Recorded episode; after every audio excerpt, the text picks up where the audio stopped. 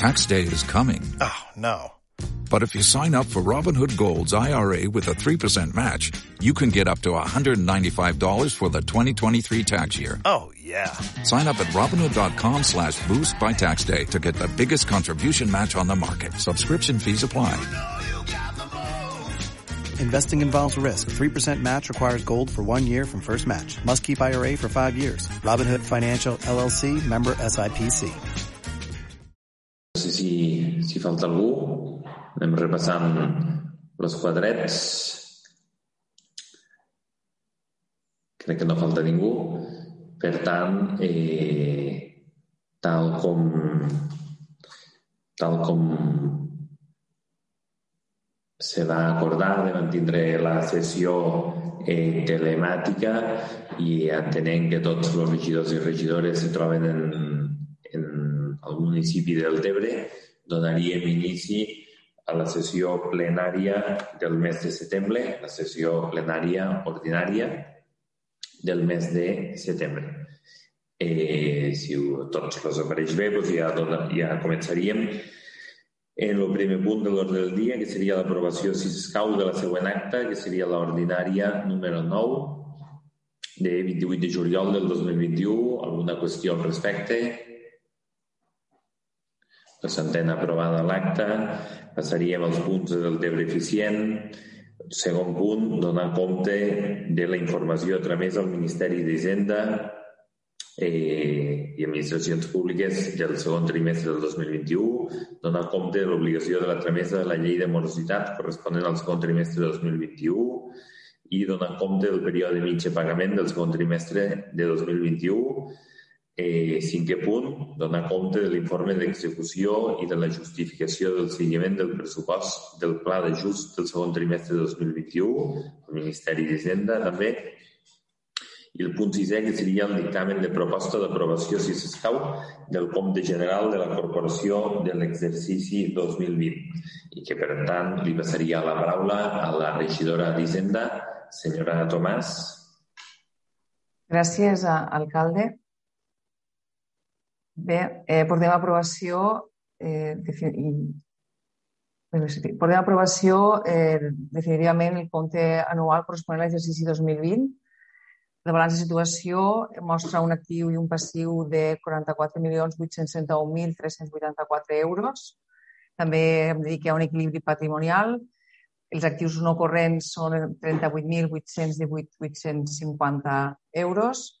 Estan totalment finançats en capitals permanents de 43.515.827 en 30 i d'altra banda doncs, hi ha un actiu corrent de 6.012.533 en 46 que finança completament el passiu corrent, que és de 1.315.556 en 74. En conseqüència, i com a dada molt positiva, tenim un fons de maniobra, que és la diferència que existeix entre l'actiu circulant i el passiu circulant, que és de 4.696.975 en 72 la liquidació del pressupost es tanca, eh, tanca l'exercici amb uns drets pendents de cobrament de 2.214.423 en 88 euros i unes obligacions pendents de pagament d'un import bastant inferior a, als drets de, de, de cobrament de 624.469 en 6 i un resultat pressupostari ajustat de 2.861.290 en 53. L'estat del patrimoni net eh, és de 39.972.623 en 83 i els capitals eh, permanents integrats pel patrimoni net i el passiu no corrent són de 43.515.827 en 30.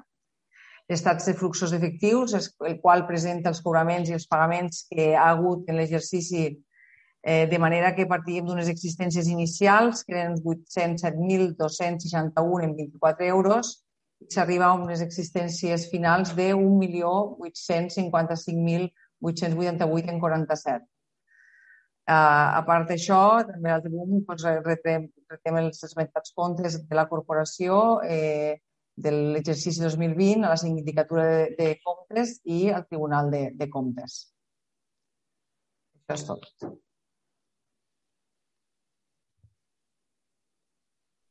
Molt bé, doncs gràcies, senyora Tomàs, per l'explicació del compte general i, en tot cas, eh, si hi ha alguna paraula demanada, si no, passaríem a votació. Pues, eh, senyor Ferrer. Laura, Laura vol parlar. Com? Que la regidora Laura vol parlar. Ah, disculpa, no, no t'havia vist, Laura, disculpa, no t'havia... Vale, pues obrim torn d'intervencions. Senyora Fabra. Bona nit a tothom. Eh, bueno, eh, més que res és que des del grup d'Esquerra doncs, pensem que són uns comptes tècnicament adequats a la situació que vam estar passant al 2020 però donada aquesta situació també m'ha sorprès una mica que les partides dels ajuts socials i d'urgència social, les de nova creació de l'Eurodelta i les que van fer per als comerços i pimes i això, no estessin executades en la seva totalitat. És l'únic que hem trobat així una mica i voldríem saber per què ha sigut. I en base a això, doncs, el nostre grup, en aquest cas, ens abstindrem. Bé, pues si vol contestar algú i si no, pues contesto jo. Senyora Ventura o senyora Tomàs, i si no, pues contesto. Sí, alcalde, jo puc contestar, refer... bona nit a totes i a tots. Eh, jo puc contestar referent a els ajuts d'urgència social, a els ajuts de, de tributs local i a l'Eurodelta.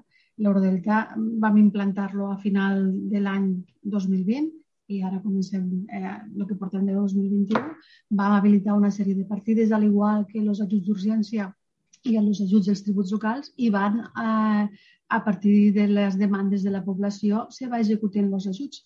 Eh, nosaltres vam, vam habilitar unes partides a unes quantitats considerables perquè en la situació que vivíem creiem que així havia de ser, però tot està senyit a les sol·licituds de, de la gent del nostre municipi. Eh, han de complir unes bases, s'estimen les que complixen els requisits de les bases i se desestimen les que no complixen. Eh, som una administració pública i nos han de senyir a les bases que s'ha aprovat per este plenari. També dic que són poques les, les sol·licituds que se deneguen. La majoria eh, s'accepten. Eh, nosaltres, per curar-nos en salut, vam habilitar aquestes partides en, en, en una dotació important perquè cap ciutadà del nostre municipi eh, pogués, eh, se quedés sense, sense un ajut i que tothom pogués demanar-ho.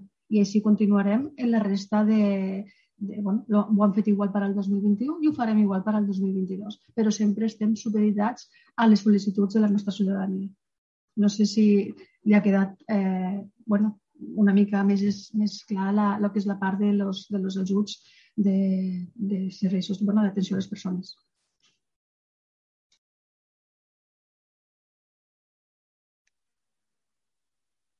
Sí, sí, a veure, és normal que vagin uns ajuts i, i si no recordo malament, hi va haver un pleno que el vam estar discutint en què nosaltres ja us vam dir que, que pensàvem que els, les bases, per exemple, dels ajuts dels comerços i dels turismes pues, que haurien pogut tindre una miqueta més ajustades perquè demanàveu, si no recordo malament, del gener, gener i febrer, i s'hauria pogut llevar i donar més ajudes i en el cas de, de, de vostè, senyora Ventura, els ajuts de tributs socials o ajuts d'acció social, ja que estem parlant d'un any pues, verdaderament dur per a tota la gent de la ciutadania d'aquí del Tebre el 2020, sí que hi ha unes bases i uns compliments, però si hi ha partida, perquè de moment modifiquem partida, fiquem diners per a que hi hagi més ajudes, sobren diners en l'any que estem passant, doncs, no cal dir que n'haguessin sobrat, però bueno, Esperem que este 2021 s'executen totes les senceres. Li Ojalà. recordo, senyora Laura, que les ajudes, i vostè ho sap perquè des del Consell Comarcal així, i no és per posar, és per posar un exemple comparatiu, eh?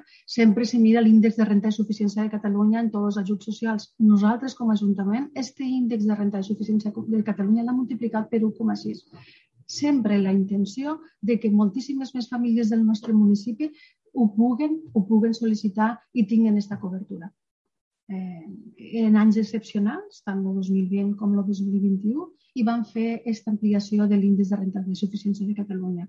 I recordo que, no, li vull recordar que les ajudes d'urgència social sempre se midixen en aquest índex de renta de suficiència, bueno, renta de, de suficiència de Catalunya. Per això li dic que nosaltres com a Ajuntament l'hem multiplicat per 1,6 per a que moltíssimes més famílies se puguen, se puguen acollir.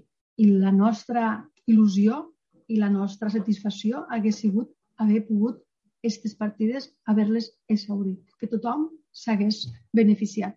Però, clar, és la ciutadania que les ha de sol·licitar. Han fet difusió per totes les bandes i s'ha informat a la gent, però a vegades els índexs de renta superen, superen. Encara que la, la situació sigui complicada per a totes les famílies.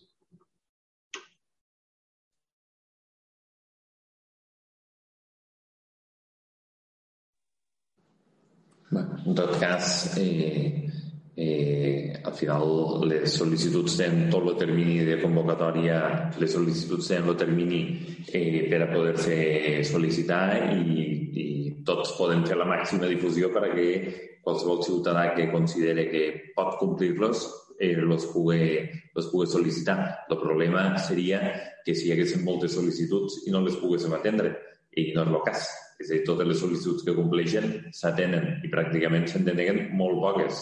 Eh, ara, si al final podem fer difusió eh, tota la que poguéssim i no s'acaba demanant la quantitat eh, exacta, el pitjor seria que no haguéssim de tindre partida i que ens haguéssim de limitar a, a la partida que tenim. I en aquest cas sempre anem molt més per damunt per a que mai ningú pugui dir que per manca de recursos econòmics no pot tindre una ajuda quan li toqués bueno, són conceptes diferents. Suposo que, que si no tinguéssim ajudes d'urgència social, com no tenen cap altre poble, perquè tots tenen les ajudes que depenen del Consell Comarcal, doncs no, no parlaríem de que ne són massa o són poques, eh, perquè no n'hi haurien. I en aquest cas, eh, pues en la resta d'ajudes, pues el mateix. Ara el que hem de fer, tots i totes, veient que aquest any no hem pogut gastar tot el que teníem previst gastar, doncs és fer la màxima difusió i acompanyament a que la gent eh, que no ho demana també ho pugui demanar si així ho creu tu. Molt bé, doncs llavors passaríem a votació del compte general, el punt sisè. Eh, senyor Ferrer. A favor. Senyor Ginet. Abstenció. Señor Curto. A favor. Pues queda aprovat el compte general del 2020 i passaríem al punt següent que seria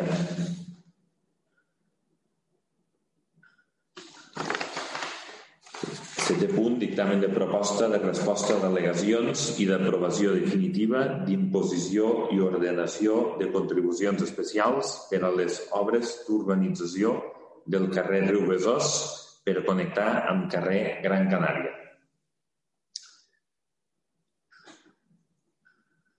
Si vol el senyor Castro.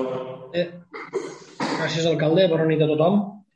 Eh, avui portem a, a aprovació definitivament les eh, contribucions especials del carrer eh, Riu Besòs que anirà a connectar amb el carrer Gran Canària. El ple de la corporació, la seva sessió de data 16 de juny, es va aprovar inicialment i de forma provisional la imposició i ordenació de contribucions especials com a conseqüència de l'execució de les obres de l'urbanització del carrer Riu Besòs per connectar amb el carrer Gran Canària eh, i l'establiment i l'exigència de les quals es legitima per, per l'obtenció d'un benefici o per l'augment de valor dels, dels immobles de l'àrea beneficiada. Avui portem a aprovació la, la proposta d'aprovació definitiva i també una resposta a les al·legacions. Hi ha una sola al·legació que es presenta eh, perquè resulta que en un moment donat se, eh, hi ha dos referències catastrals unides eh, per, una, per un vial, eh, i eh, l'Ajuntament en aquell moment entenem que és un vial públic, que és un pas que connecta els dos carrers, el carrer Habana i el carrer Riu Besòs. Els propietaris de les finques, que són dos germanes, eh, acrediten la particularitat del camí i des de, des de els serveis tècnics de l'Ajuntament eh, l'informe procedeix a estimar l'al·legació en la seva totalitat, ja que la titular de la finca eh, fa referència a que té l'accés pel carrer Habana i no, com, i no consta el cadastre, però només pot accedir pel carrer Habana i connecta amb el carrer Besòs per mitjà d'un camí particular. Llavors, el que es fa és eh, agregar-li la part de la finca del camí particular a la finca del carrer Riu Besòs 60 i llevar de les contribucions especials el que és la finca del carrer Habana 126.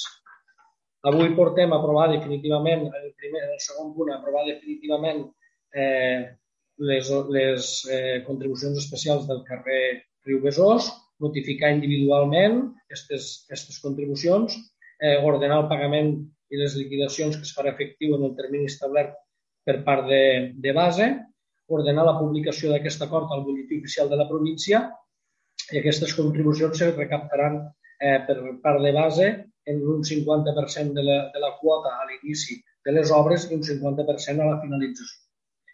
Res més. Gràcies. Molt bé, doncs gràcies, senyor Castro, per l'explicació. Alguna intervenció? Això. Pues passem a votació. Senyor Ferrer. En contra. Senyor Alginet. Abstenció. Senyor Curto. A favor.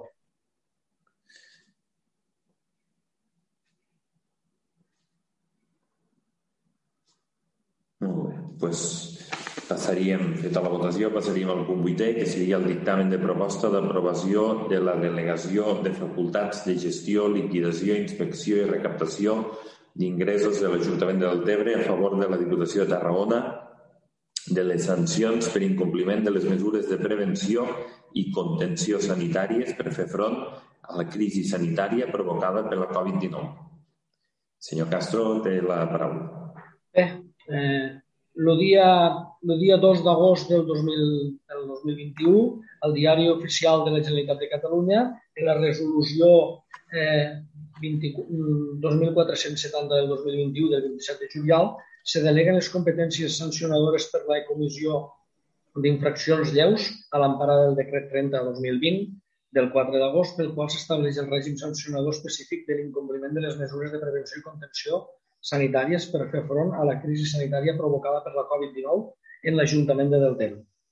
Eh, en aquesta publicació faculta a l'Ajuntament de Deltebre en fer, en fer la, la, la gestió de la delegació de les sancions i la, i la instrucció de les sancions derivades de la Covid-19. Avui portem a, a aprovació la delegació de les facultats de gestió, liquidació, inspecció i recaptació d'ingressos de l'Ajuntament de Deltebre a favor de la Diputació de Tarragona de les sancions per l'incompliment de les mesures de prevenció i contenció per fer front a la crisi sanitària. Esta, esta, esta delegació eh, se fa eh, avui, eh, s'eleva a plenari, tot i que de base no tenim la conformitat de que ens acceptin aquesta delegació. Eh, en un principi eh, vam posar eh, els nostres informes per a, per a acreditar que creiem que mm, la delegació per part de Salut està ben feta, està en estudi per part del Departament Jurídic de, de la Diputació de, de Tarragona.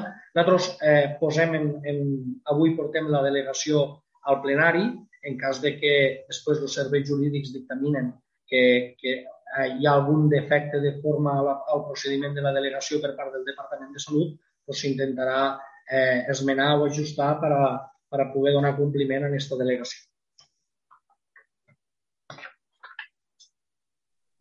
En tot cas, tal com dia el senyor Castro, la previsió de delegació eh, s'ha acordat formalment en base, igual que fem tota la resta de delegacions, però avui a migdia ens han trucat de base dient que els serveis jurídics d'ells eh, no ho veien no ho encaixaven prou bé dins de la resolució de salut i que, per tant, necessiten eh, fer un informe per a veure si és correcte o no és correcte. Nosaltres avui ho havíem de passar pel plenari i així ho hem parlat d'ells el mes de juliol, pues, ho passem pel plenari, si després hi ha algun obstacle pues, ja donarem compte del plenari i ho deixarem sense efecte. En cas contrari, pues, ja tindrem la feina festa i ja tindrem la feina feta, que és el que, el que nosaltres eh, vam preveure el mes de juliol quan vam parlar en base. Sí. Gràcies, alcalde. Bona nit a, tothom. Una pregunta, senyor Castro. De quantes sancions eh, que afecten a Deltebre estaríem parlant? I per a que la gent que ens escolta, quina tipologia de sancions eh, són? És a dir, quin tipus de sancions o incompliments són? Eh, de què estem parlant? Bueno, bé, com bé li he dit, com bé comentàvem, eh, se deleguen les sancions lleus. Eh? Se diu que les sancions són lleus. Eh, hi ha un, eh, un, eh, un quadrant de totes les sancions que, que es deleguen. Hi ha, hi ha quanties, doncs, bueno, poden ser des del tancament de, des del tancament de l'horari de tancament d'establiments públics, des de les reunions eh, en grups eh, que passen el límit establert fins al moment, eh, de l'ús de la mascareta, de, de menjar en llocs públics mentre estigui eh, lo, mentre no determine el Departament de Salut en les seues resolucions. Tot el que afecta a les sancions eh, dins de la resolució del Departament de Salut, però només en, lo, en les sancions tipificades en lleus. En greus no podem, no podem eh, instruir la sanció i aquestes sancions, com molt bé sap, se passen directament al Departament de Salut i l'òrgan instructor en aquells moments ja passa a ser el Departament de Salut de la Generalitat. També vull que quede clar és que eh, és, som eh, podem eh, instruir les sancions a partir del dia 2 d'agost, que és quan molt es deleguen, de quan se publica el butlletí. Vull dir, en quantitat de sancions no li sabria dir quantes ne són, però que moltes sancions, ja sap que les de la primera, les de la primera eh, resolució de salut eh, van agarrar i, es van, i van caure, van, van, hi ha moltes que, es van, que no es van admetre a tràmit, i, i bueno, ara estan en les segones que també les ha instruït el Departament de Salut i aquestes, a partir del dia 2 d'agost, són les que ens deleguen a, a l'Ajuntament de Deltebre per a, poder, per a poder fer el cobrament de les lleis. En tot cas, sí que li demanaríem que per al proper ple ens ho pogués, ens pogués dir de quantes sancions estaríem parlant que afecten a, a, a ciutadans i ciutadanes de Deltebre. Sí que ens agradaria saber també eh, el cost, és dir, ara ho deleguem a base, això quin, quin cost tindrà per a, per a és a dir, base, que mos, que mos, eh, quin percentatge ens aplica de, de, tot le, de totes les sancions que, que recaptarà. Però això no, això no afecta a l'acord marc de base. És una delegació d'un import eh, d'una competència més, però no afecta a l'acord marc de base. I no té cost? Bueno, té el cost que té delegar els cobraments a base. No té un cost extraordinari, té el mateix cost que té delegar doncs, eh, els IBIs, les, eh, les sancions que ja s'estan fent, per exemple, de trànsit, o delegar les sancions o delegar un cobrament de les escombraries té el mateix cost. O sigui, no es modifica l'acord en base. Se agarra i se deleguen un cobrament d'unes sancions que ens delega el Departament de Salut, com també ens van delegar en el seu moment eh, vam delegar nosaltres en ells lo, lo, les, eh, les, les sancions per, eh, per convivència i eh, no es va modificar l'acord eh, general de la delegació en base, només se va modificar lo que, o sigui, només se va incloure una competència més per a delegar en les sancions. Molt bé, molt bé. Gràcies. Nosaltres eh, atenent també a la informació que entre el senyor Castro i el senyor Algalde han dit de que en base encara dubta a l'espera d'això i si no es deixa algun damunt de la taula, que potser seria el més procedent, i ja en tornarem a parlar quan, quan estigui clar, el, el nostre vot serà en contra. Tot cas, eh, nosaltres quan el mes de juliol vam rebre la delegació de competències eh, vam fer el contacte en base i vam coordinar, com en totes les delegacions de competències, com s'havia de fer, que és el punt que passem avui a l'ordre del dia. Avui ens han trucat a base que el gabinet jurídic no veu clara la facultat de salut de passar-nos la delegació. Per tant, és un tema d'avui. Nosaltres el que no podem fer és tindre expenses de... Per tant, la proposta nosaltres la fem de sol·licitud de delegació en el marc, com dia el senyor Castro, de l'acord marc per cert, senyor Ginet, un acord marc que ens pot explicar millor vostè que nosaltres, perquè jo vaig votar en contra en el seu moment i vostè crec que estava al govern i va votar a favor. I, per tant, és el mateix acord marc. Eh, en qualsevol cas, eh, eh, avui passem el punt i si en cap base no ho veu bé, doncs ja, ja ho motivarà jurídicament i si no, que mos ho hagués sentit abans. Senyor alcalde, l'acord que es va prendre en aquell moment que vostè va votar en contra, que porta sis anys governant, que si alguna cosa que es pogut fer és modificar-lo si no estava d'acord. Bueno, modificar-lo vaig votar, no vaig votar a favor, però, però segurament que si s'ha tant dolent hagués sigut, s'hagués pogut eh, corregir. No, jo no dic res, jo li, li dic pel que vostè diu, li pregunta al senyor Castro el cos i jo li dic ah, però... l'acord que va votar vostè en el seu moment. Com pot comprendre, no, no, no ho tinc eh, present. Pues suposo que el senyor Castro ho té menys present que vostè, que no estava llavors. Sí, ho hauria de tindre ell. Pues... Molt bé. Per tant, passem a votació del punt vuitè, eh, expenses de, del que acabéssim concretant en funció de si la delegació està ben feta o no, però així ja deixem la proposta feta per si de cas. Senyor Ferrer. A favor. Senyor Ginet. En contra.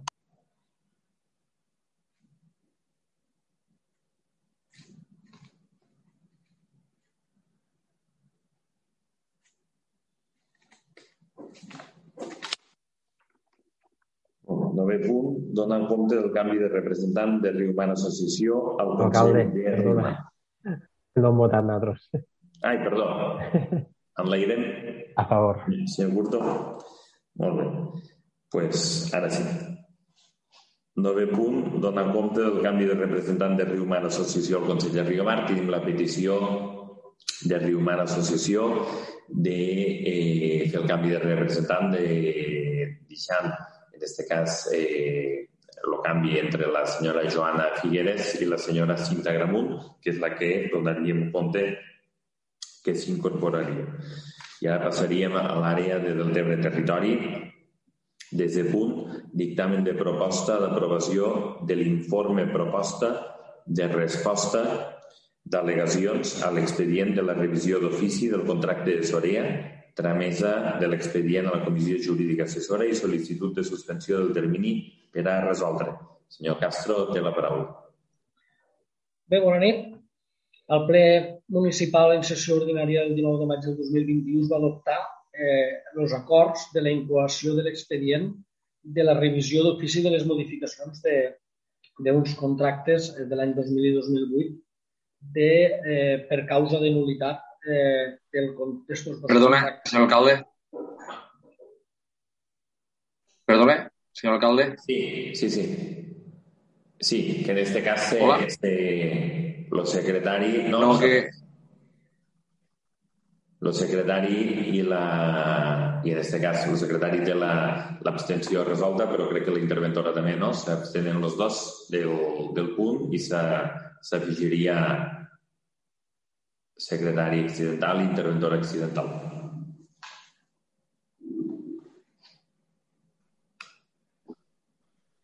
Molt bé, canviem de- d'imatge al quadre. Senyora Vidal i senyora Verge, benvingudes. Senyor Castro, pot tornar a començar, si us plau. Bé, seguim. Eh, com veia, el ple municipal de la sessió ordinària del 19 de maig del 2021 va adoptar els acords de la incoació de l'expedient de la revisió d'ofici per la modificació dels contractes de l'any 2000 i 2008 eh, per causa de nulitat de ple dret per omissió del procediment legalment establert. Es va donar un tràmit d'audiència a la- a l'empresa eh, que per un termini de 15 dies pogués presentar les al·legacions. Es va notificar el present acord. Eh, L'empresa en 15 de juny va presentar les al·legacions i eh, en data 21 de, 21 de juny es va fer el requeriment a l'empresa per tal que presentés la documentació a la que feia referència a les al·legacions. Eh, en dia 2 de juliol es va presentar la documentació i eh, l'Ajuntament de Deltebre, eh, els seus serveis tècnics, han fet un dictamen jurídic en el qual eh, avui portem a aprovació els següents acords. És aprovar l'informe jurídic de resposta d'al·legacions eh, avalat per la Secretaria General de l'Ajuntament de Barcelona, suspendre el termini del procediment administratiu fins que resolgui la Comissió Jurídica Assessora eh, l'expedient i donar trasllat de l'expedient a la Comissió Jurídica Assessora eh, sobre l'expedient que, que, els hem, que els hem estat eh, comentant.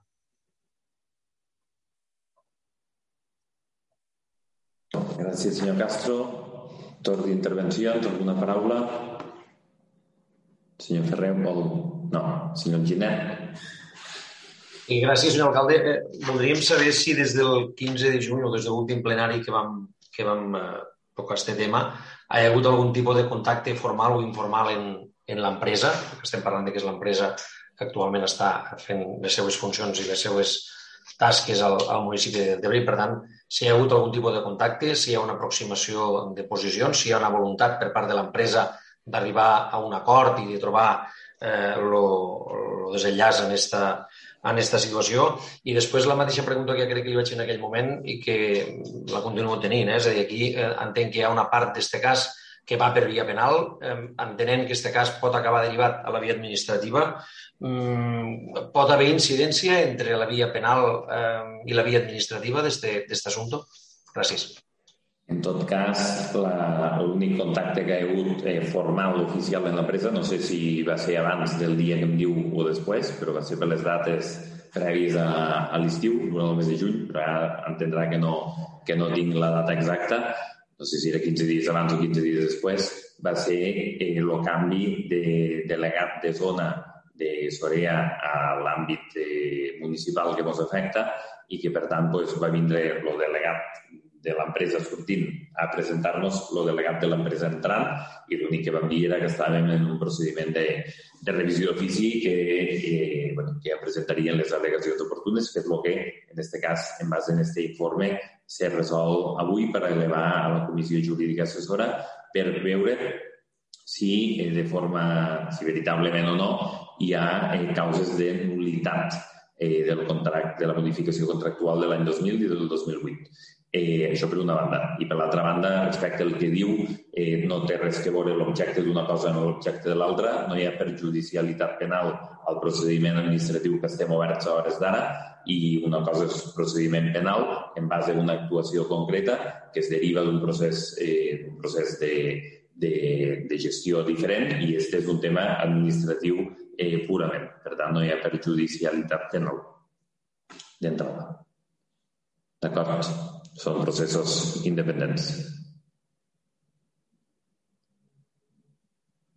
Molt bé, doncs passem a votació. Senyor Ferrer.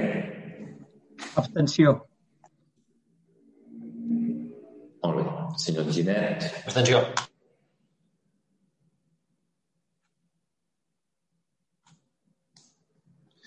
Senyor Curto. A favor. Molt bé pues en tot cas, ara a partir d'aquí el que es fa és que s'eleva l'expedient a la Comissió Jurídica Assessora de la Generalitat, com ha explicat el senyor Castro, i per tant, en base a l'informe que emeti a la Comissió Jurídica Assessora, el plenari de l'Ajuntament eh, haurà de, eh, de prendre una posició o prendre una altra. I en tot cas, pues, es, es votarem aquesta via de la revisió d'ofici eh, tal, com, tal com vam engegar el passat mes de maig. En tot cas, passaríem ja als punts d'emocions. 11 punt, que seria la moció d'Esquerra a més del Tebre per exigir mesures que frenin l'escalada de preus de l'electricitat. Senyor Alginet. Sí, gràcies, alcalde. Em presentarà la moció el meu company Carlos Verd. Gràcies.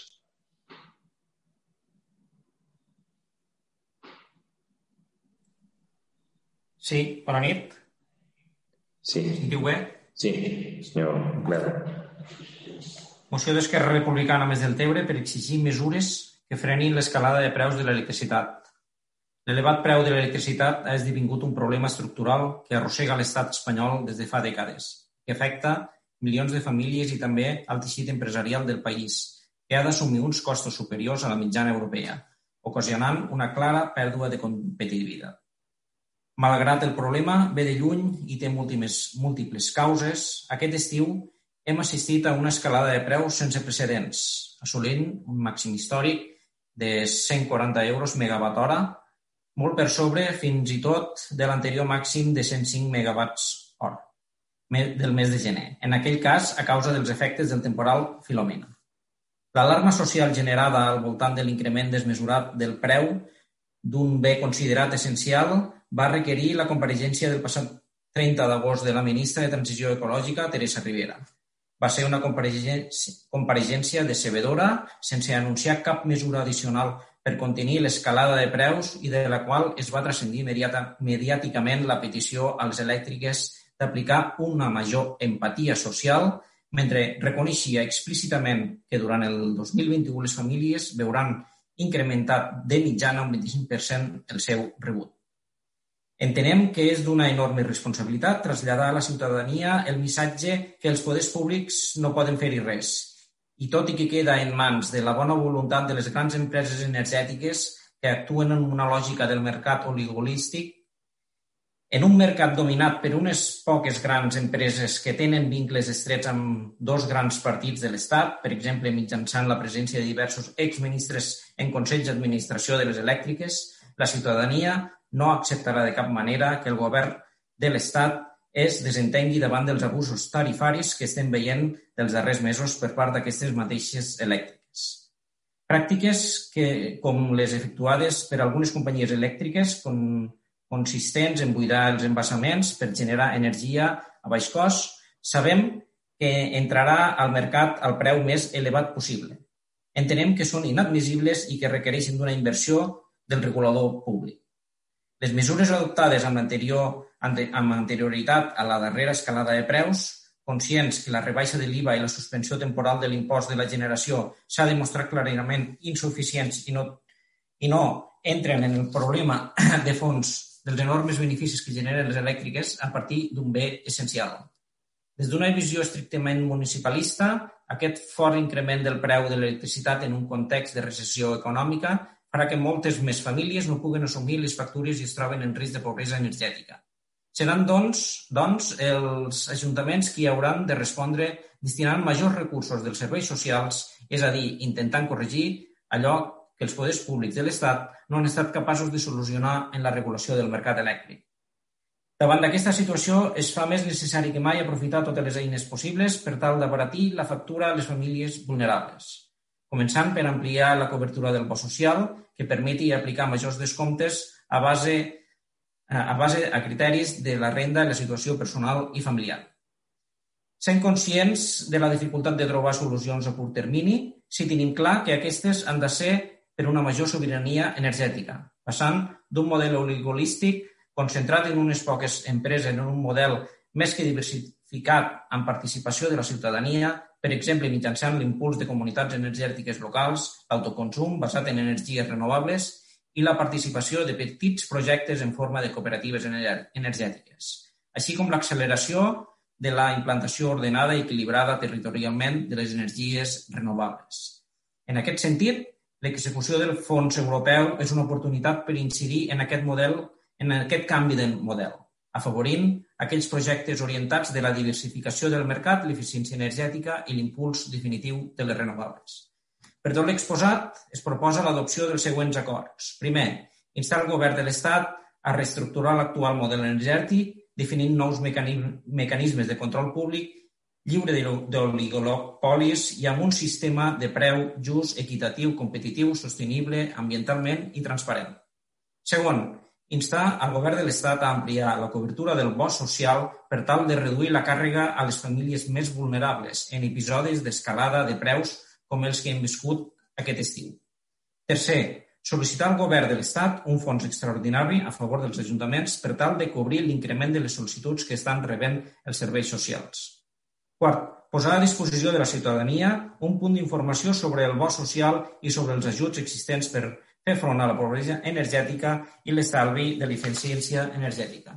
Cinquè, seguir, impuls, seguir amb l'impuls d'instal·lar els sistemes d'autoconsum energètic basat en energies renovables, aplicant bonificacions d'una part de la quota de l'IBI, IAE i ICIO en favor de la ciutadania i empreses que disposen d'aprofitament d'energies renovables. Sisè, Seguir impulsant actuacions d'estalvi energètic en els equipaments municipals, facilitar els projectes d'autosuficiència energètica i empreses i ciutadania i promoure la sobirania energètica mitjançant l'impuls d'una comunitat energètica local que permeti fer arribar energia neta i de proximitat a tota la població. Setè, instar el govern de l'Estat a destinar els recursos provinents del fons de Next Generation de la Unió Europea a projectes que contribueixen a fer efectiva la transició energètica i alhora permetin diversificar el sistema acabant amb l'actual funcionament oligolístic. No obstant això, el ple acordarà allò que estimi oportú. I, bueno, comentar que des d'Esquerra Republicana pensem que és important aprovar aquesta moció. Per una banda, traslladar el malestar i els problemes que que ha suposat i suposa l'escalada de preus de l'electricitat, un fet que, que pensem que ens inclou, que de fet ens inclou a tots i pareix que no tingui, que no tingui fi. Sí que és veritat que podem veure que el govern espanyol aquests dies està fent mans i mànigues per intentar frenar-ho, però el problema és de tal dimensions i de tal envergadura i que quan més força i més veus podem alçar, millor. I per una altra banda, també és veritat que des de l'àmbit municipal del Tebre inclòs. Penso que hem començat un camí correcte en aquest sentit, però és important insistir en aquest tema, continuar treballant, perquè entre tots i totes ens hem de deslligar d'aquests oligopolis energètics al que estem subjectes i que, entre altres causes, ens estan condicionant uns preus abusius i injustos.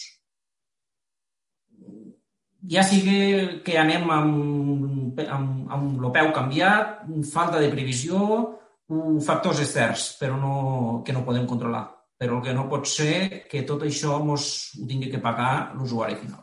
Gràcies.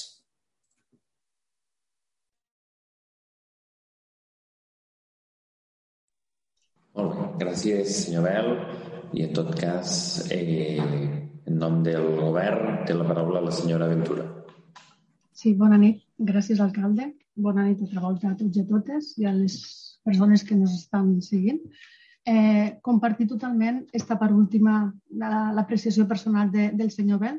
Té raó, és una vergonya que estiguem vivint en aquests moments estos abusos d'estos preus de l'energia elèctrica que eh, tenim que assumir la ciutadania de peu en uns rebuts de la llum desorbitats i que sí que és veritat que aquestes últimes setmanes el govern central està movent fitxa, però tenim també un govern autonòmic que també hauria de fer eh, la seva part també de pressió i a veure si entre tots eh, aquesta situació se pot controlar.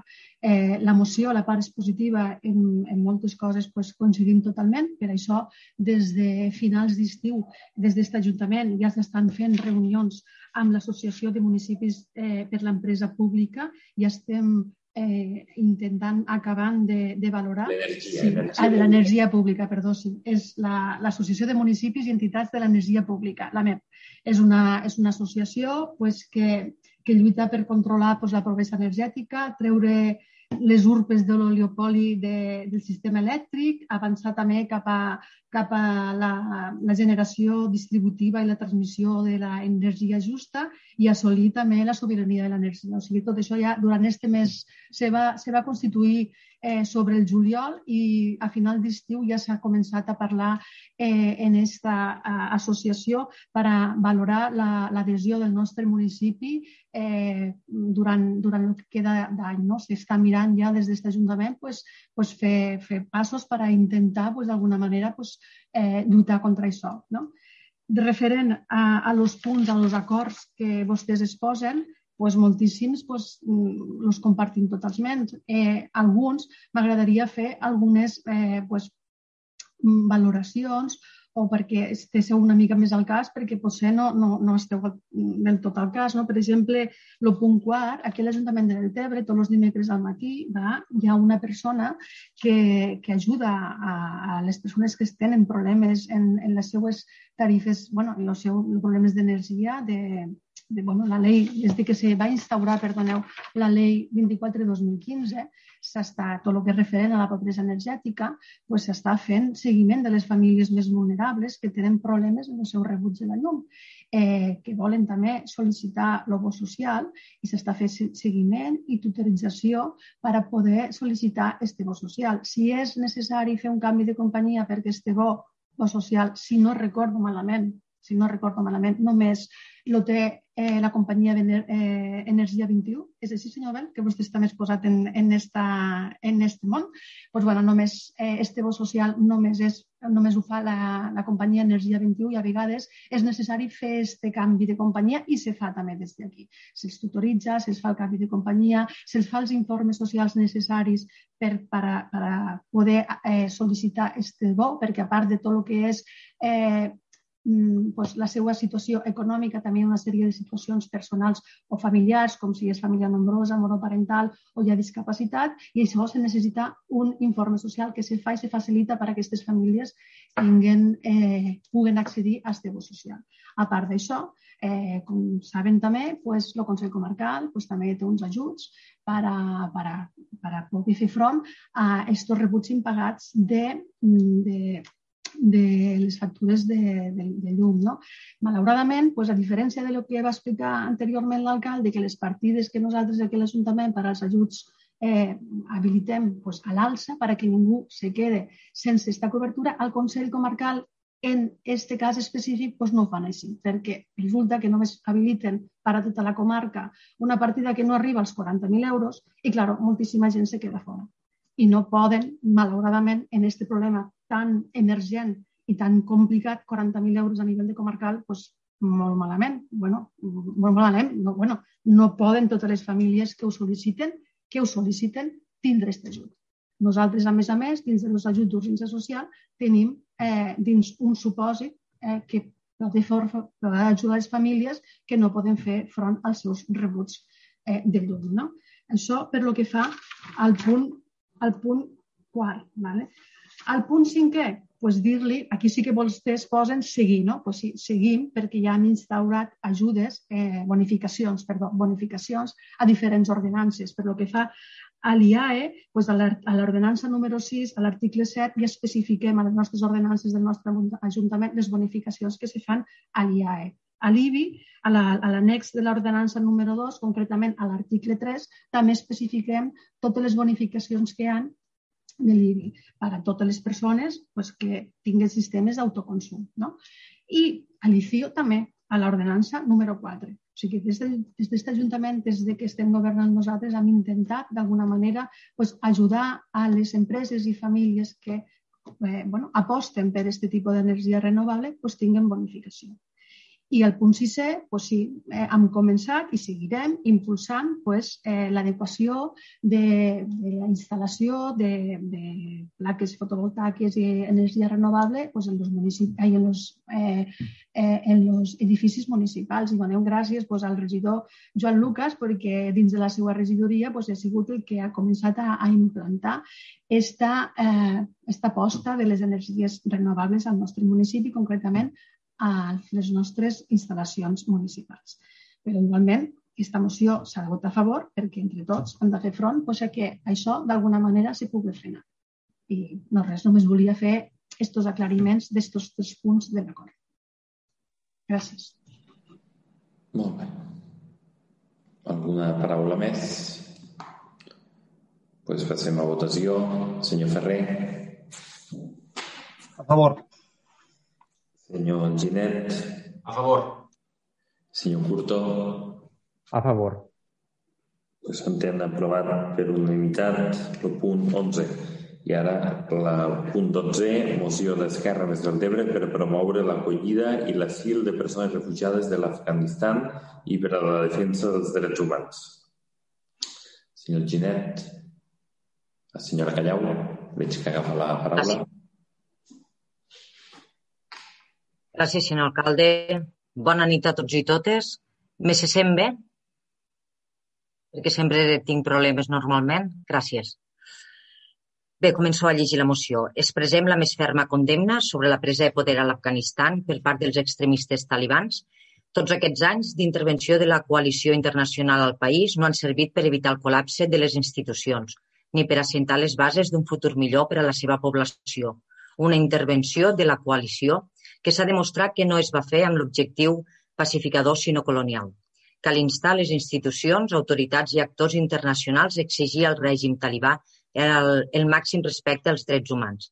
No es pot tenir el règim talibà com a interlocutor vàlid en matèria de drets humans quan no n'han mostrat mai el més mínim respecte. I per això cal exergir aquesta pressió internacional sobre els països que han reconegut el règim i que hi donen suport polític i material països que s'hi actuen dins del marc de les institucions internacionals. Cal evitar que l'Afganistan torni a esdevenir un focus de terrorisme internacional. Cal que la Unió Europea coordini una resposta unitària i aculli refugiats procedents de l'Afganistan respectant el dret internacional en matèria d'asil.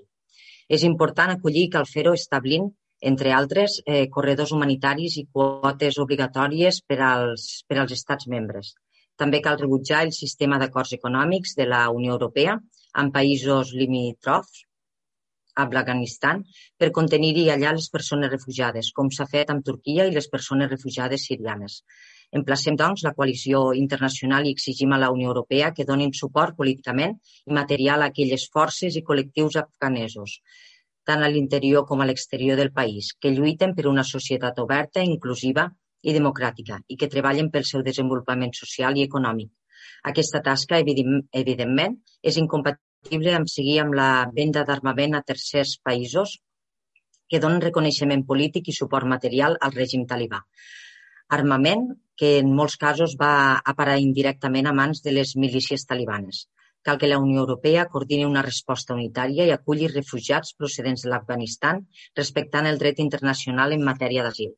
L'estat espanyol ha format part de les forces d'ocupació de l'OTAN durant 25 anys. A aquesta presència espanyola s'hi ha destinat una quantitat de diners estimada de 3, 3, 3, 3 milions 500 mil euros i s'hi han enviat més de 27.000 militars. Tot i això, al llarg aquests anys, l'estat espanyol ha concedit un nombre minúscul de reconeixements de condicions d'asil a persones afganeses i mentre la guerra estava en curs s'han executat repatriacions que encara avui no han estat aturades. El govern català, des de la presa de poder dels talibans, treballa per poder donar resposta a la crisi de drets humans que avui que viu a l'Afganistan i està especialment preocupat per la situació de les dones i les nenes afganeses i de les persones de l'LGTB les minories ètniques i activistes defensors dels drets humans, davant les vulneracions dels drets i llibertats i les diferents violències que pateixen. Per els motius exposats, instem les diferents institucions a dur a terme les següents accions. Mostrem el compromís i cooperació des de l'àmbit local per tal de fer possible l'asil i acollida de les persones refugiades i sotmetem a votació els següents acords.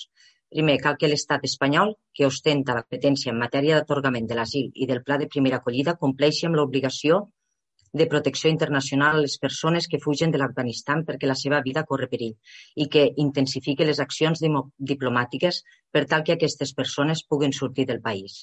Demanem que s'atengui la petició del Govern de la Generalitat d'obrir un contingent un contingent perquè des de Catalunya es pugui gestionar l'acollida del major nombre de persones possibles.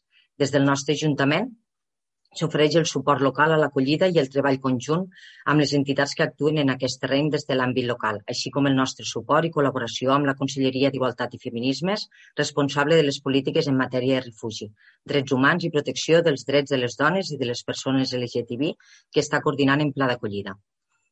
Tercer punt, defensem una política de fronteres en l'àmbit europeu que avantposi els drets humans i el compliment dels acords internacionals. Quart punt, des de, la, de les institucions implicades a tots els nivells, govern, Estat, Unió Europea i altres institucions de caràcter internacional, cal una implementació d'accions de cooperació al desenvolupament amb membres de la població afganesa que promoguin una societat afganesa socialment justa, inclusiva i plenament democràtica, i també respectant la mateixa sobirania del poble d'Afganistan. Aquesta cooperació requereix la finalització immediata dels acords per a la venda d'armament a tercers països que donen suport polític i material, material al règim talibà, com en el cas de l'estat espanyol, armament que en molts casos va parar indirectament a mans de les milícies talibanes. Cinquè punt, des de les institucions implicades a tots els nivells, govern, Estat, Unió Europea i altres institucions de caràcter internacional, cal treballar conjuntament amb les xarxes internacionals de suport als drets humans, tant de caràcter general com sectorial, vetllant pels drets de la ciutadania afganesa, en sisè lloc, en el mateix sentit i comptant amb un treball transversal i a escala internacional, cal establir xarxes internacionals de suport, corredors humanitaris segurs, acollida i asil a la població afganesa, amb especial atenció a les dones, nenes, col·lectiu LGTB, activistes pels drets humans, periodistes i científics, i minories ètniques com la Zara, directament assenyalades com a objectius pel règim talibà, davant la més que, la més que probable i imminent vulneració dels drets i llibertats, Setè punt, reclamar a l'estat espanyol que es transfereixin al govern de la Generalitat i que el govern català redistribueixi el, als ajuntaments els recursos econòmics necessaris per poder realitzar l'acolliment amb les màximes garanties. I en vuitè punt, i per finalitzar, fer arribar aquests acords al Govern de Generalitat, al Parlament de Catalunya, a la Comissió Catalana d'Ajuda al Refugiat, a la Federació de Municipis de Catalunya, a l'Associació Catalana de Municipis i al Congrés de Diputats i a la Unió Europea. Bé, esta és la moció. Nosaltres presentem des d'Esquerra aquesta moció perquè des de partit, com tots els partits, eh, tenim les idees i donem suport a polítiques socials. Sabem que en primer lloc sempre s'ha d'ajudar als nostres, a la gent de casa, que hi ha molta gent que ho necessita i dia a dia ho estem fent des d'ajuntaments i certes entitats d'aquí al nostre municipi, però en aquest cas, quan passen situacions com ara la que està passant a Afganistan, eh, sent un poble d'immigrants, sent un poble que moltes persones també han hagut de marxar fora i buscar-se la vida, eh, esperem que aquesta moció pugui ser aprovada i que aquestes famílies puguen fugir del terror que tenen i puguen trobar en el nostre país un, un lloc ben segur per viure. Gràcies. Gràcies, senyora Callau. I ara eh, obriríem torn d'intervencions. Si hi ha alguna intervenció. Senyor Ferrer, senyor Curto.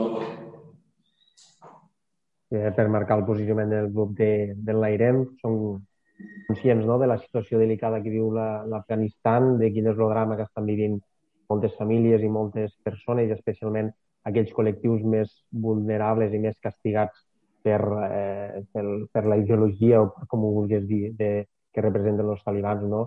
i pensant especialment doncs, aquelles persones que, que són més, més feles i més vulnerables, com és el col·lectiu LGTBI, les dones, les xiquetes i en general doncs, la, la, la cultura democràtica no? en un país que, que pareixia doncs, que havia d'anar a millor i, i resulta que al final ha acabat doncs, en, en no res, que ha acabat sent un drama humanitari de, de primer nivell. Per tant, i, i tenint en compte doncs, també que des del món local sempre reclamem que eh, volem ajudar però necessitem recursos i cal que aquelles administracions que són les responsables doncs, també dotin de recursos aquelles administracions doncs, que al final acabem atenent de primera línia a, a totes les persones, eh, donarem suport a, a aquesta moció. Gràcies. Passem a votació. Senyor Ferrer. A favor. Senyor Ginet. A favor. Senyor Curto. A favor. Molt bé, pues, en tot cas donaríem també la moció número 12 per aprovada. I ara entraríem al, al, a la part de control. 13 punt, que seria donar compte de les resolucions de l'alcaldia de la 1326 a la 1769 14 punt, que seria els informes d'alcaldia, no n'hi hauria cap avui, i 15 punt, que serien proposicions urgents, que en aquest cas eh, tindríem dos eh, donar comptes, que hauríem de donar compte per urgència, eh, i que no hi ha cap obstacle a, a la urgència, eh, en tot cas, pues, com a, alcalde, pues, és una d'aquelles coses, donar compte d'aquells pues que no, no sempre són fàcils ni, ni que ens agradaria que arribessin. En tot cas, estem parlant del donar compte eh, de la renúncia a l'acte de regidora de la, de la senyora Elisabet Tomàs i també el donar compte de la renúncia del regidor eh, del senyor Joan Lucas.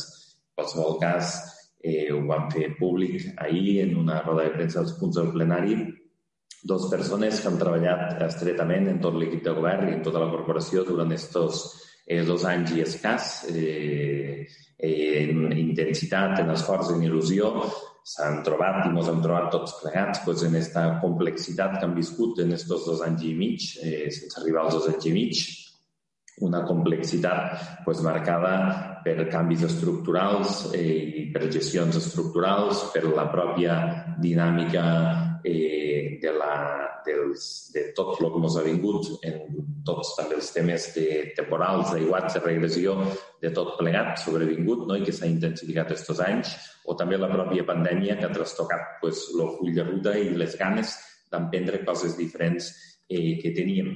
I la veritat és que una decisió de, de fer un pas al costat mai és fàcil, són decisions valentes, decisions que honren no, a les persones eh, que les acaben prenent i que eh, acaben eh, sumant a un projecte col·lectiu igualment des d'un rol diferent, però eh, deixant clar pues, que eh, eh, en el desgast no, que s'ha produït també en aquests dos anys eh, i escàs, pues no, eh, eh, moltes vegades pues, eh, cadascú de forma molt sincera també ha de fer els plantejaments eh, personals i també professionals en funció del context i del moment necessari.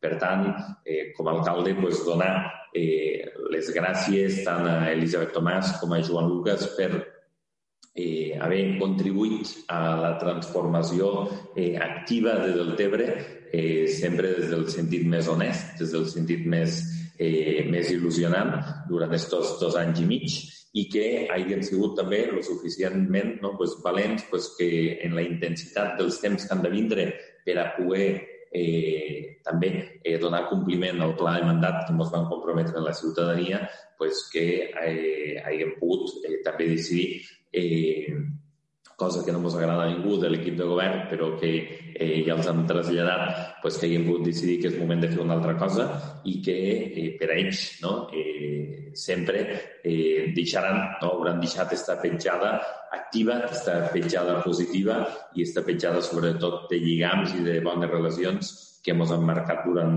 durant aquests dos anys, malgrat haver complit, haver també tingut pues, aquesta complexitat eh, de moments i per tant pues, eh, donaríem compte d'aquestes dues renúncies, agraint-los en tot cas pues, la feina, la tasca, l'esforç, la il·lusió i desitjant-los, com sempre, molta sort i que eh, mai no se pot dir que res és un punt i final, sinó que tot és un fins aviat i un punt i seguit. Eh, senyora Tomàs, si vols eh, dir alguna cosa. Moltes gràcies, alcalde. Bona nit a tothom. Bé, com bé explicat Lluís, avui poso un punt i a banda a la meva etapa com a servidora pública. Ha estat una etapa molt gratificant on he intentat donar en tot moment el millor de mi, tant a nivell professional com a nivell personal. Eh, també dic que tot i no estar en el dia a dia de l'Ajuntament, doncs continuaré estant vinculada al projecte i també col·laborant en tot allò que, que em sigui possible. Han estat doncs, quasi dos anys i mig on durant aquest temps tot l'equip hem treballat doncs, per estar al costat de la ciutadania i de fer del Tebre un poble cada dia millor, tal com la gent del nostre poble se mereix. Agrair a Lluís que em donés l'oportunitat de formar part d'aquest projecte. Agrair a tot l'equip de govern tot el molt que hem compartit durant aquest temps. Donar gràcies també a la resta de la, de la corporació. Agraïments sincers als empleats de l'Ajuntament amb qui he compartit el dia a dia sobretot agrair a la ciutadania la confiança depositada en el nostre equip, un equip que de ben segur continuarà transformant el nostre municipi com ho han fet fins ara. I per acabar, dir-vos que disfruteu de tot allò que feu i només així aconseguireu que allò que féssiu sigui millor, el millor que podeu oferir com a persones. Bona nit. Moltes gràcies, Cèlia. Moltes gràcies no, eh, per aquestes emotives paraules també. En tot cas, li passaríem també la paraula a Joan Lucas.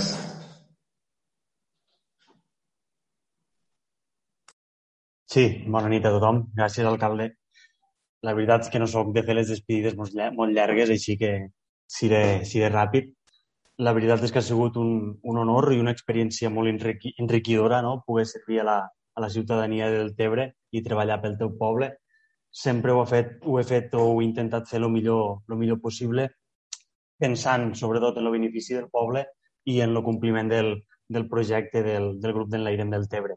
En aquest sentit, només puc donar les gràcies a l'alcalde per l'oportunitat i per la, per la confiança, a la resta de companys i companyes del govern pel, pel camí que hem fet junts dia a dia i per estar sempre al costat.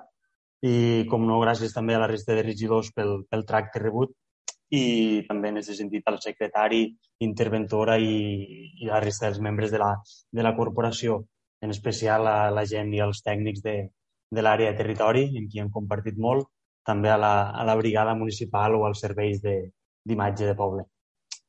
Sobretot per la feina feta i per posar-me-ho sempre, sempre fàcil. Queda per davant un final de legislatura que es presenta intens i només desitjo a tothom molts d'èxits i molts encerts i, i sempre endavant. Moltes gràcies. Moltes gràcies també, Joan, per també aquestes emotives paraules i en qualsevol cas als dos pues, moltíssima, moltíssima sort i continuarem fent camí junts i sobretot eh, donar-vos gràcies per esta, per esta petjada de, de persones en qualitat i persones que, que heu deixat una molt bona petjada a l'Ajuntament del Tebre que mos dol moltíssim, com ja us he dit reiterades vegades, eh, acomiadar-nos. Molt bé. Gràcies. Pues, si no hi ha cap paraula, passaríem al punt 16, que seria el control dels òrgans de la corporació. Pregs i preguntes. Senyor Ferrer. Bona nit, gràcies, senyor alcalde. Eh, una primer, tinc dues qüestions. Eh, la primera fa referència als patinets elèctrics últimament estan molt de moda i cada cop se'n veuen més. Eh, L'altre dia quasi menjava un. I en aquest sentit, pues, preguntar-li pues, si desconega si hi ha alguna ordenança municipal que regule les condicions de circulació dels patinets elèctrics per la via pública i si hi ha previst alguna tasca pedagògica que acompanyi aquesta ordenança perquè els ciutadans pues, compixen i, i tot funcioni de manera més correcta. I la segona és sobre la plaça Coliseu. M'han comentat que pateix molts actes vandàlics. Eh, la taula de pícnic que ja no està. No sé si, si és degut a actes vandàlics o s'ha tret per algun motiu. Eh, sé que m'han dit que alguns contenidors han patit mm, incendis. Eh, després m'han comentat que els arbres que estan plantats al carril bici en aquella zona pues, també estan una mica decantats i, i en males condicions i no res, si el, no sé si això mm, també pot implicar altres parcs del, del poble, si pateixen aquests actes vandàlics, pues no, també si tenen alguna previst, ficar càmeres o vigilància o com, com ho podem fer perquè, per conservar els espais públics no? i que puguem disfrutar-los eh, d'una manera pues, bueno, que siguin més correctes i, això. I per últim, bueno, eh, potser si n'hi haver dit abans, no? eh, aprofitar pues, bueno, no? per, per acomiadar Joan i a, i a Eli, pues res, que ha sigut un plaer compartir aquests dos anys i mig amb vosaltres, encara que sigui des de l'oposició, i sobretot agrair, que és el que em quedo, no? al final suposo del que em quedaré eh, quan acabe els anys estos, eh, agrair bueno, no, les respostes que sempre han vingut cap a mi, eh, que han estat sempre educades i respectuoses. I és veritat que això diu molt de les persones, no? I, i em quedo en això. I res, desitjar-los molt d'èxit i que tinguin un feliç camí i que els projectes que puguin començar en el futur els vagi, vagi molt bé. Gràcies.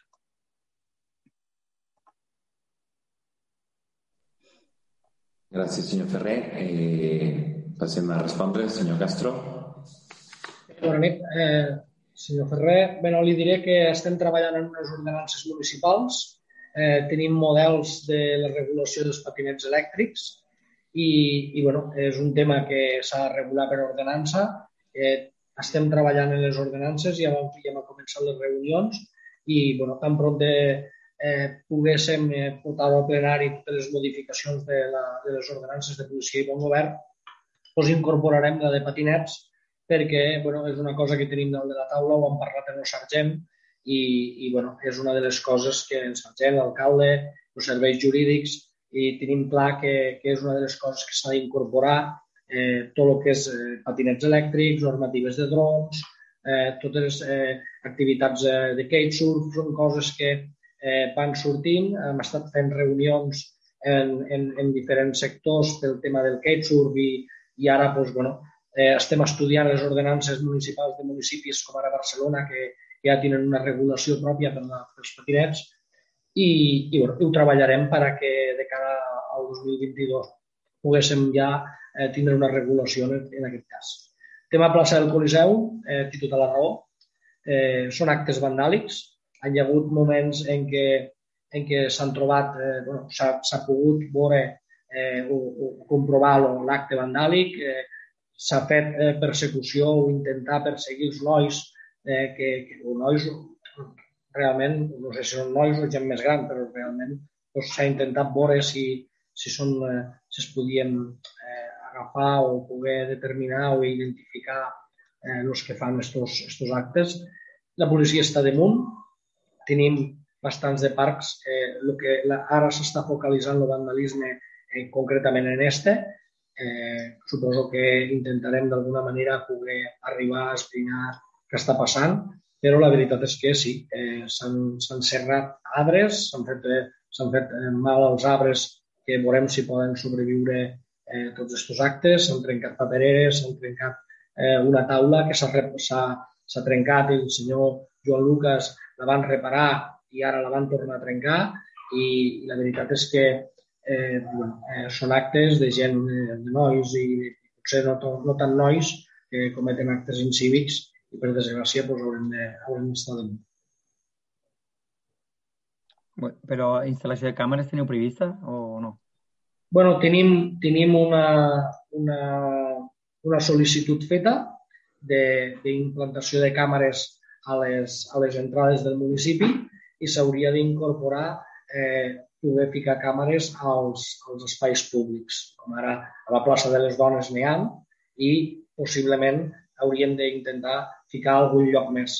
La veritat és que hi ha molts de parcs i ficar càmeres a tots aquests llocs. Primer s'ha de demanar, s'ha de fer la sol·licitud perquè tenim aprovada una sol·licitud de ficar les càmeres en, en les entrades del municipi, però eh, als espais públics com ara places i això eh, tindrem que fer el tràmit per a poder-ho per a poder fer. La veritat és que ficar càmeres no és, no és lo complicat, el complicat és eh, aconseguir els permisos que va una comissió de, de, de videovigilància de tota Catalunya.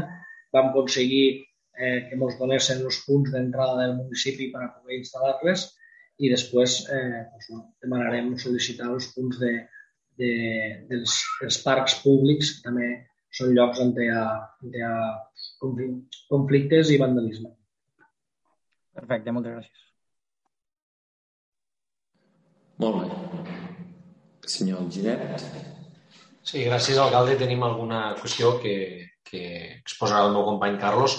Sí que abans de donar-li pas o que ell pugui fer els pregs o, o les qüestions que tenim, eh, com a portaveu d'Esquerra, en nom dels meus companys, pues, també donar-los, donar ja ho he fet en privat, però també que quede constància al ple de l'Ajuntament, pues, la meva desitjar-los el millor, eh, tota la sort i els projectes no els falten mai, perquè són dues persones molt qualificades eh, moltes ganes de fer coses i, per tant, mereixen el millor.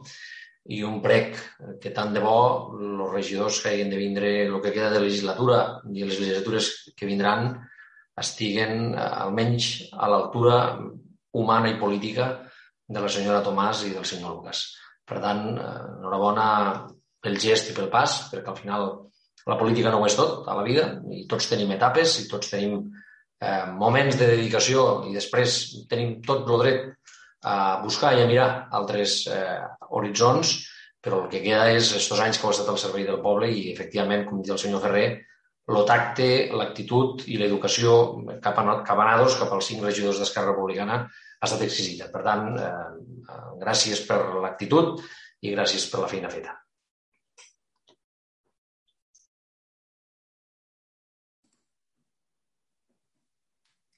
Sí, bona nit. Eh, bueno, la primera pregunta seria, mm, després de passar la temporada d'estiu, quina valoració en farien de, de les noves zones d'aparcament, tant de la Marquesa com de la Baixa de l'Arena, i de la zona verda del passeig de Rio Mar, i també traslladar-los que principalment d'esta última eh, hem rebut algunes queixes tant d'usuaris com de, de negocis de la zona. En segon lloc, eh, bueno, donat, estem en plena temporada de la seira de l'arròs, per una banda, se mos traslada per part de pagesos i usuaris del mal estat dels camins rurals, falta de manteniment d'estos. També hem pogut veure que, que en l'acte de govern del 18 d'agost d'aquest any eh, fan referència a una sèrie d'incompliments per part de l'empresa adjudicatària del contracte del curs de, de, de, de, de manteniment rurals, eh, segons informes tècnics d'aquí de, de la casa, i, però també recordem que venim del juliol del 2019 que també hi va haver, segons vostès, una sèrie d'incompliments per part de l'anterior empresa adjudicatària. Si ens podrien explicar què està passant i en quin estat estem en, en aquest tema ara mateix. En tercer lloc, eh, si ens podrien dir en quin punt estem concretament al POM, ja que ens ha traslladat que hi ha alguna llicència d'obres que, que s'ha paralitzat, si això està relacionat amb, amb, la, amb el punt que, que està al POM. I, per últim, si ens podrien dir eh, les obres de la zona esportiva de Jesús Maria, si es porten el curs que vostès tenien programat, si hi ha algun retard mm, que no estava previst, si, si és així eh, el motiu. Gràcies.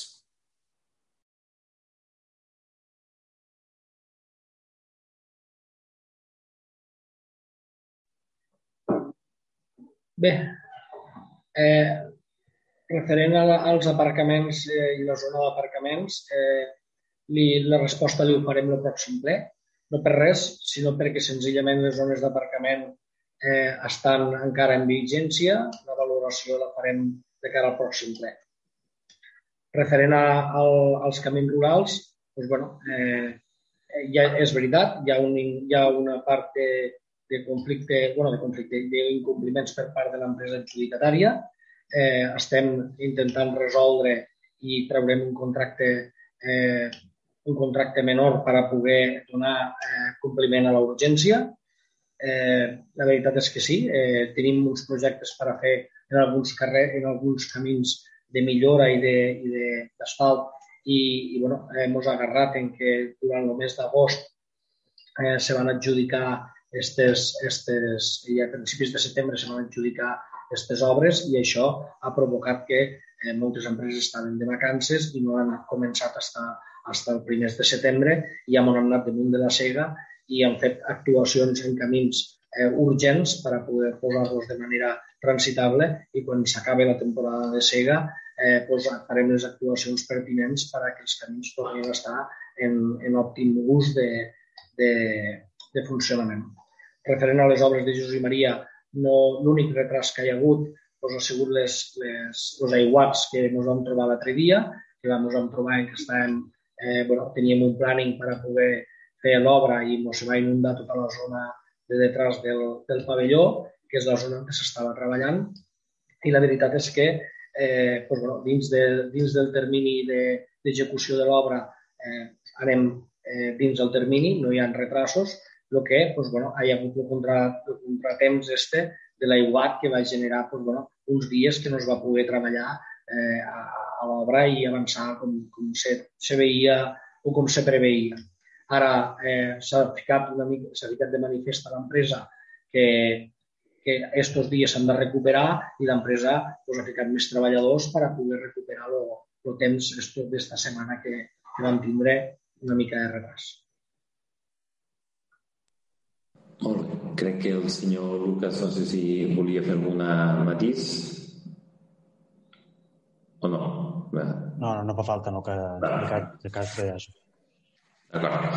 Pues, I respecte al planejament, eh, avui precisament s'ha enviat la publicació des de la Generalitat, han enviat la publicació al diari oficial de la Generalitat una volta he fet tot el tràmit de traducció, de validació i de totes les històries eh, derivades del planejament que s'havia de publicar en principi, principis d'agost i que eh, pues, estem insistint i avui ens han trucat per dir-nos que avui mateix ho han enviat a publicar.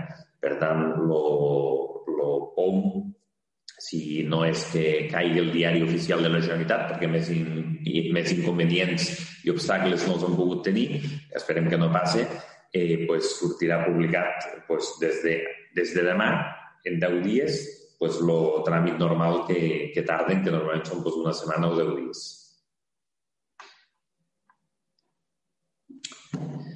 Molt bé, pues, si no hi ha cap qüestió més, eh, donaríem la sessió plenària per finalitzada i un cop més donant-los moltíssimes, moltíssimes gràcies a tots els regidors i regidores, però sobretot avui en especial per tota l'etapa recorreguda durant aquest temps eh, i per tots els èxits que els desitgem al senyor Lucas, al senyor Joan Lucas i a la senyora Tomàs, a la senyora Elisabet Tomàs. Gràcies, Eli, gràcies, Joan.